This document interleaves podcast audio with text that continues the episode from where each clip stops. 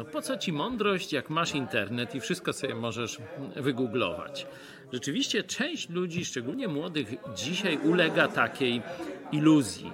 Chciałem Wam pokazać jeden werset z Biblii, który pokazuje, do czego może Ci się w życiu przydać mądrość. Najmądrzejszy człowiek na ziemi, król Salomon, mówię o ludziach oczywiście, bo Jezus też przyjął postać człowieka, ale to inna liga. E, w 20 wersecie swojej, 13 rozdziału swojej księgi tak napisał. Kto obcuje z mędrcami, mądrzeje. No, no ale po co komu mądrość, nie? ale jest druga, druga część.